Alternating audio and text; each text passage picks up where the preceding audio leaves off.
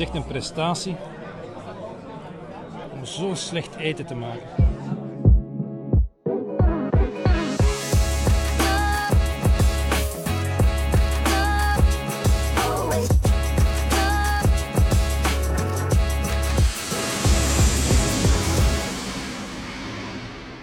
Peter en Gert die gingen dinsdag naar Liverpool voor de heruitgave van de finale van vorig jaar tegen Real Madrid.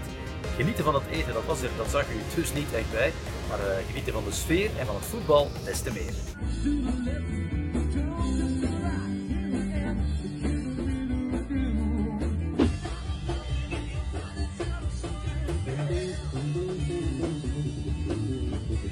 Find myself in times of trouble, Mother Mary comes to me, speaking words of wisdom, let it be. We zijn hier op eh, John Lennon Airport in Liverpool, the day after. En Liverpool is in trouble. Ja, goede bal. Oh, geweldige goal. Daar is hij al. Daar is hij al, Darwin Nunez. Oh, Courtois. En 2-0, Salah. Ai, ai, ai, Thibaut Courtois. Afgestraft door Mo Salah, 2 tegen 0. En dan ja, dan is dat toch sterk van Real. Niet panikeren, hè. dat hebben we toch gezien. Hè. Niks aan de hand, hè. gewoon in de match komen. Hup, voor de rust al rechtgezet. En dan na de rust, Liverpool panikeerde wel hè, door die tussenstand telkens. De tussenstand van, van 2-0 deed Real niks, maar de tussenstand van 2-2 deed Liverpool wel iets, namelijk panikeren en hervallen in problemen die dan heel in de eerste seizoen. foutjes maken, foutjes. Ja, dat is jammer hè. Die groten staan op op grote momenten. Hè. En, nee, dat is het echt doen op momenten dat het moet. hè. Hier is Vinicius weer. En daar is Benzema. Kwalijk Benzema kapt zich vrij. Oh la la. Karim Benzema. Formidabele tegenaanval van Real Madrid. Vijf doelpunten op Anfield Road. Ik heb het nooit gezien, maar ik veronderstel dat je ook wel van dat soort foutjes gemaakt hebt af en toe. Dus mijn vraag is, Peter de Doelman, welk van de twee vond u nu de grootste fout of het ergste? Of welke mogen we catalogeren echt als blunder? Die van Allison. De bal komt in deze richting aan. Vinicius maakt deze loopbeweging.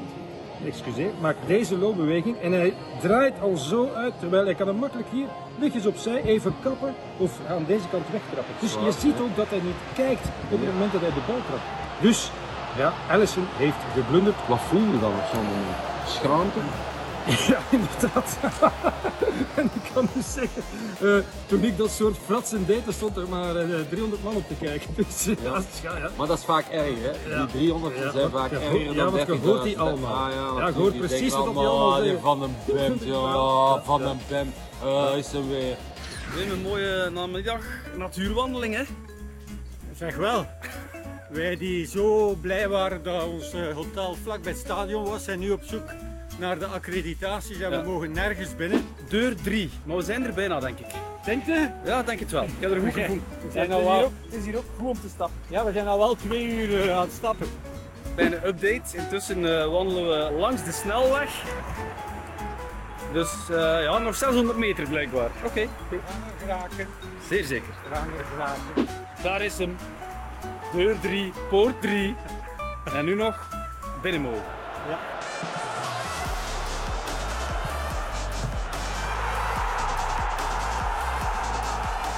Napoli 0-2 winst. Eh, een doelpunt, de eerste van Osimhen. Er was ook een, een match in de match. Twee uitstekende spitsen. Osimhen en eh Colomboani bij Frankfurt. Colomboani, jammer genoeg. De rode kaart, onterechte rode kaart wat mij betreft, zijn alle twee heel erg moeilijk eh, te stoppen.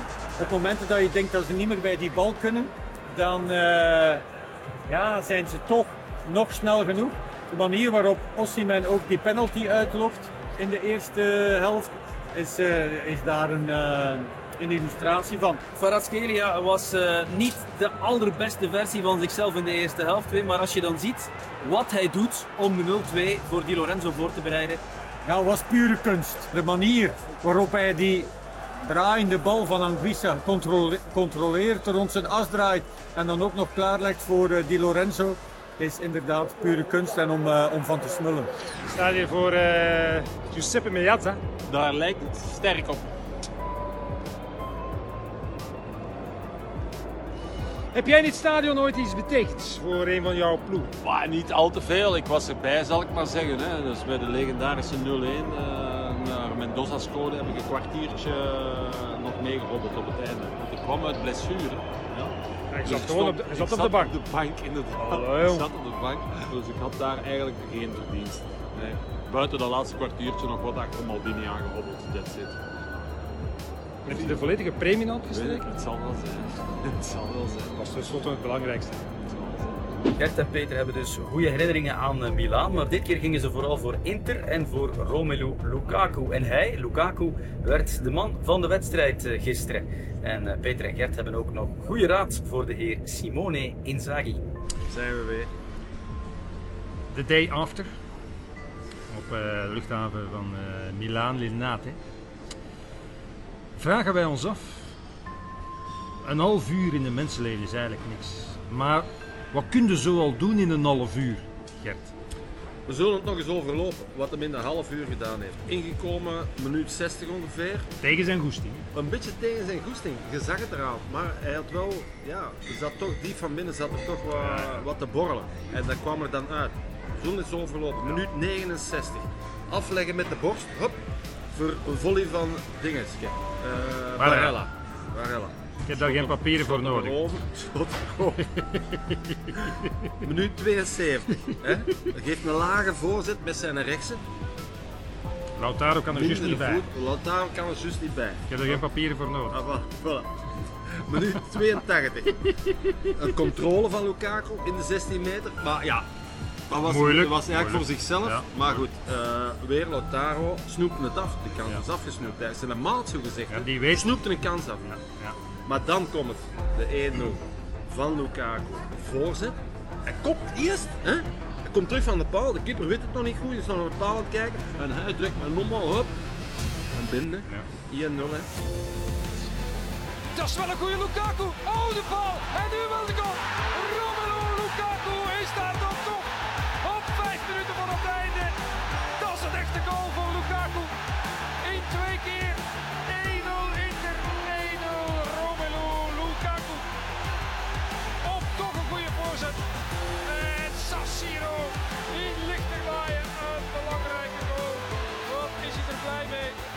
En dan nog een kans uit de draai naar de corner. Hup, wat de draai, hup, kort draai. Hup, Heel moeilijk. Ja, moeilijk gedaan, moeilijk en goed gedaan. Diogo Costa pakt hem. Dus kunnen we nu samen met Simone Inzaghi het erover eens zijn. Wat doen we bij de volgende wedstrijd van Inter met Romelu Lukaku? Ja, nooit meer twijfelen, altijd Lukaku. Hè. En Maar goed, wij moeten ook schuld bekennen, want de vorige match ook, we begrepen het ergens nog wel dat hij voor het zego koos. Jij, Maar ja, jij, een- zet, jij begrijpt, jij zet maar een wat een analist. strijkplank vind ik, die heeft een zego. Ja, Nee, altijd Lukaku. Always. altijd Lukaku. Oké? Oké? Simone? Capiche? Bye bye. Bijna aan het einde van onze Duitse driedaagse. Eh, nog wel een uur of vier trein te gaan richting Brussel. Ehm, City 1-1 gespeeld op Leipzig.